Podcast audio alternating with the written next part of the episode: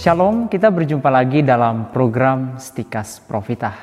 Kali ini kita akan berbicara tentang pencobaan di masa Prapaskah. Nah, para saudara yang terkasih, kita semua tahu bahwa kita sedang melewati masa yang penuh rahmat, yaitu masa Prapaskah. Dan kita juga tahu bahwa ini adalah masa pertobatan. Tetapi pengalaman itu mengajarkan kepada kita bahwa semakin kita mau berkomitmen untuk berubah ke hal yang baik, semakin banyak pencobaan setiap hari yang membuat kita sering kali ingin mundur dan mulai lagi dengan hal-hal lama yang sudah kita tinggalkan. Nah, masa prapaskah itu sering kali juga menjadi masa pencobaan. Jadi ada tarik-menarik di dalam diri kita untuk melakukan hal yang baik tetapi juga di sisi lain ada hal yang kurang baik yang membuat kita mundur lagi. Keadaan seperti ini sering terjadi dalam kehidupan kita. Nah, pencobaan itu berkaitan dengan keinginan-keinginan kita yang bertentangan dengan nasihat Injil.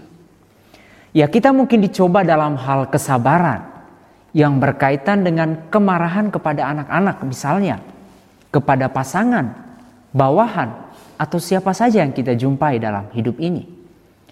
Jadi kita ingin sabar, tetapi situasi tertentu membuat kita berada dalam cobaan untuk melampiaskan amarah kita.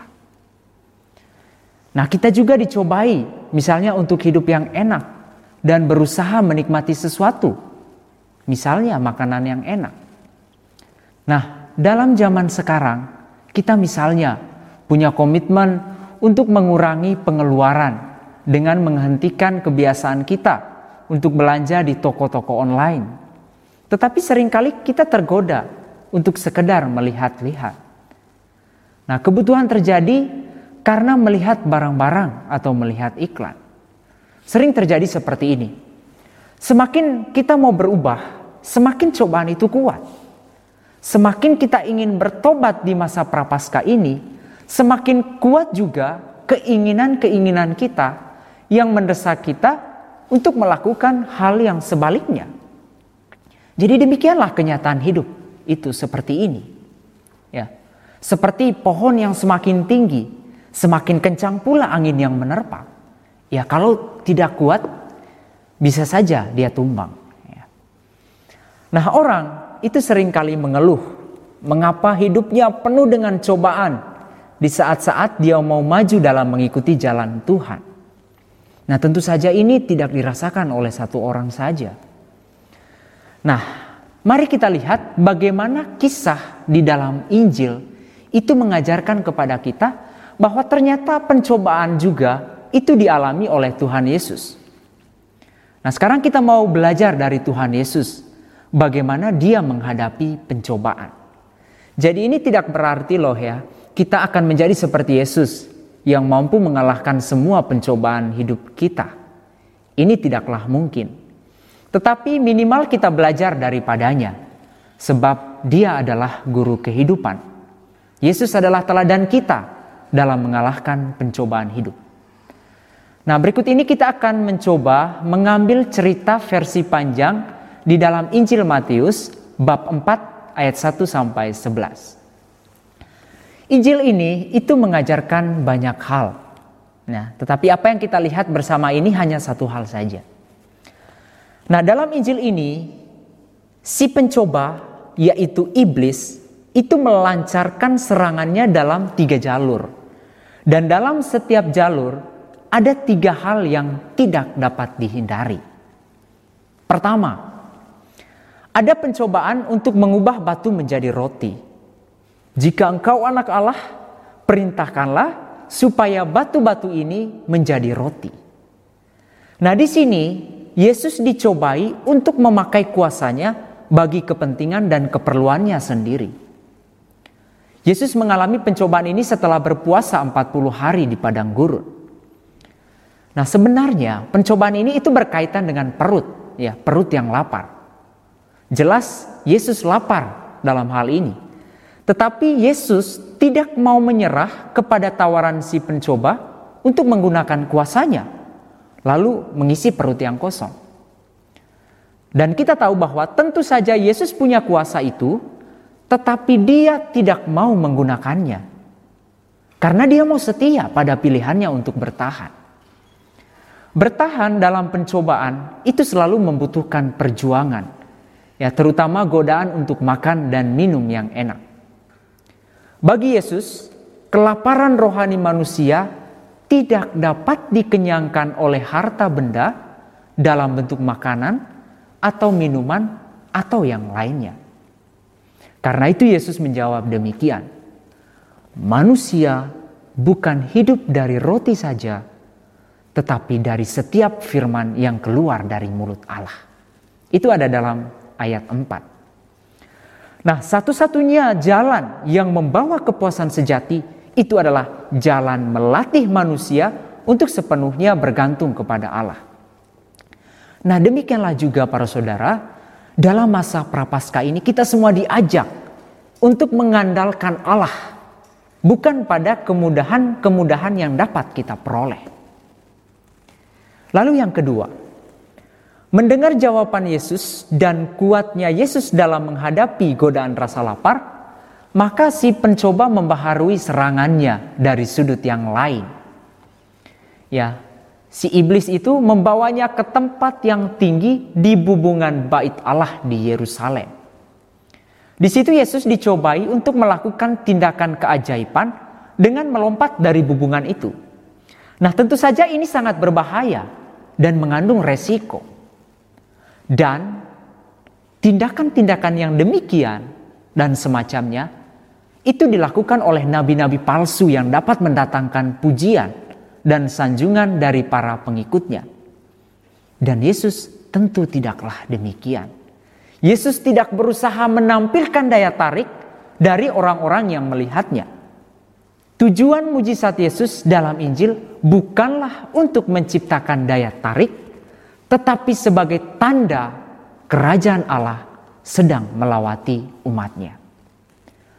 Melompat dari hubungan bait Allah untuk menciptakan suatu keajaiban sensasional bukanlah cara yang benar untuk memakai kekuatan anugerah Allah. Yang perlu kita ketahui bahwa kuasa pertolongan Tuhan bukanlah sesuatu yang bisa dipermainkan atau dicoba-coba. Ya. Yesus jelas dalam hal ini. Dia menolak cara-cara sensasional untuk menggunakan kuasa Allah. Karena itulah Yesus menjawab demikian. Jangan engkau mencobai Tuhan Allahmu. Kita mungkin ingin sesuatu yang sensasional terjadi di dalam hidup kita.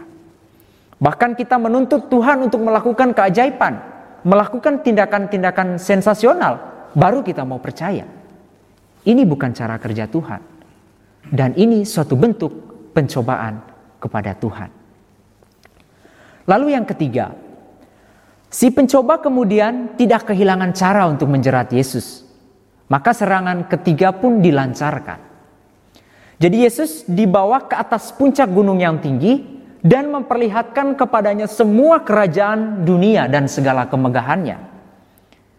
Dan semuanya itu diserahkan kepada Yesus, tetapi ada syarat atau harga yang harus dibayar oleh Yesus, yaitu bahwa Yesus harus sujud menyembah si pencoba. Nah, yang hendak diucapkan si pencoba adalah demikian. Marilah kita membuat kompromi. Marilah kita atur bersama. Jangan mengajukan tuntutan yang lebih tinggi, yang begitu tinggi. Berilah perhatian sedikit saja kepada hal-hal yang jahat, maka orang-orang akan berbondong-bondong mengikutimu. Jadi ini adalah pencobaan untuk bergandeng tangan dengan dunia, untuk memiliki segalanya, kuasa, kekayaan, kemewahan hidup, dan lain sebagainya. Nah, Yesus menasihatkan para muridnya dalam Injil, termasuk kita semua, supaya kita tidak mengabdi kepada dua Tuhan, kepada Mamon dan juga kepada Tuhan. Tipu daya Mamon dan kekuasaan tentu saja menyilaukan mata kita. Tetapi hendaknya ditampik dengan segera. Karena Tuhanlah sesungguhnya yang berkuasa dan dia yang pantas kita sembah di dalam hidup ini. Nah, para saudara yang terkasih, dari semua yang dikatakan di atas dapat diringkas demikian. Yesus memutuskan bahwa ia tidak akan menggunakan kuasanya untuk hal-hal yang tidak perlu. Ia memutuskan bahwa jalan yang sensasional bukanlah jalan dia. Ia memutuskan supaya tidak boleh ada kompromi dengan kilauan kemewahan dan kekuasaan duniawi. Lalu apa yang menjadi keputusan dan pilihan Yesus kalau tidak dalam ketiga hal ini? Keputusan dan pilihan Yesus itu adalah salib. Salib sebagai pilihan satu-satunya menuju kemenangan akhir. Nah, para saudara, di masa prapaskah ini tentu ada banyak pencobaan, ya, ada godaan yang kita alami yang membelokkan komitmen kita kepada pertobatan. Mari kita belajar dari Yesus. Bagaimana dia membuat keputusan dan tetap berpegang dan setia kepada keputusan tersebut meskipun ada hal yang mudah dan enak yang ditawarkan si pencoba. Ya mungkin bagi kita hal ini sangat sulit. Ya, tetapi mari kita berjuang bersama. Dan tentu saja kita membutuhkan rahmat Tuhan untuk hal ini. Ya, mengalahkan pencobaan dan godaan dengan kekuatan diri kita sendiri tentu saja akan menemui jalan buntu. Kita tidak dapat mengalahkan pencobaan kalau kita hanya fokus pada diri kita sendiri, mengandalkan kekuatan kita sendiri. Satu hal yang pasti bahwa masa prapaskah itu adalah suatu perjalanan iman. Puncaknya adalah salib, yaitu menderita. Tentu ini sulit. Keputusan untuk memilih jalan salib dengan segala pengorbanannya harus menjadi pilihan para murid Kristus juga bagi kita semua teristimewa di masa prapaskah ini. Para saudara, semoga Anda mencintai dan mengenal kebenaran, akhirnya Anda pun diselamatkan. Tuhan memberkati kita semua. Salam Profita.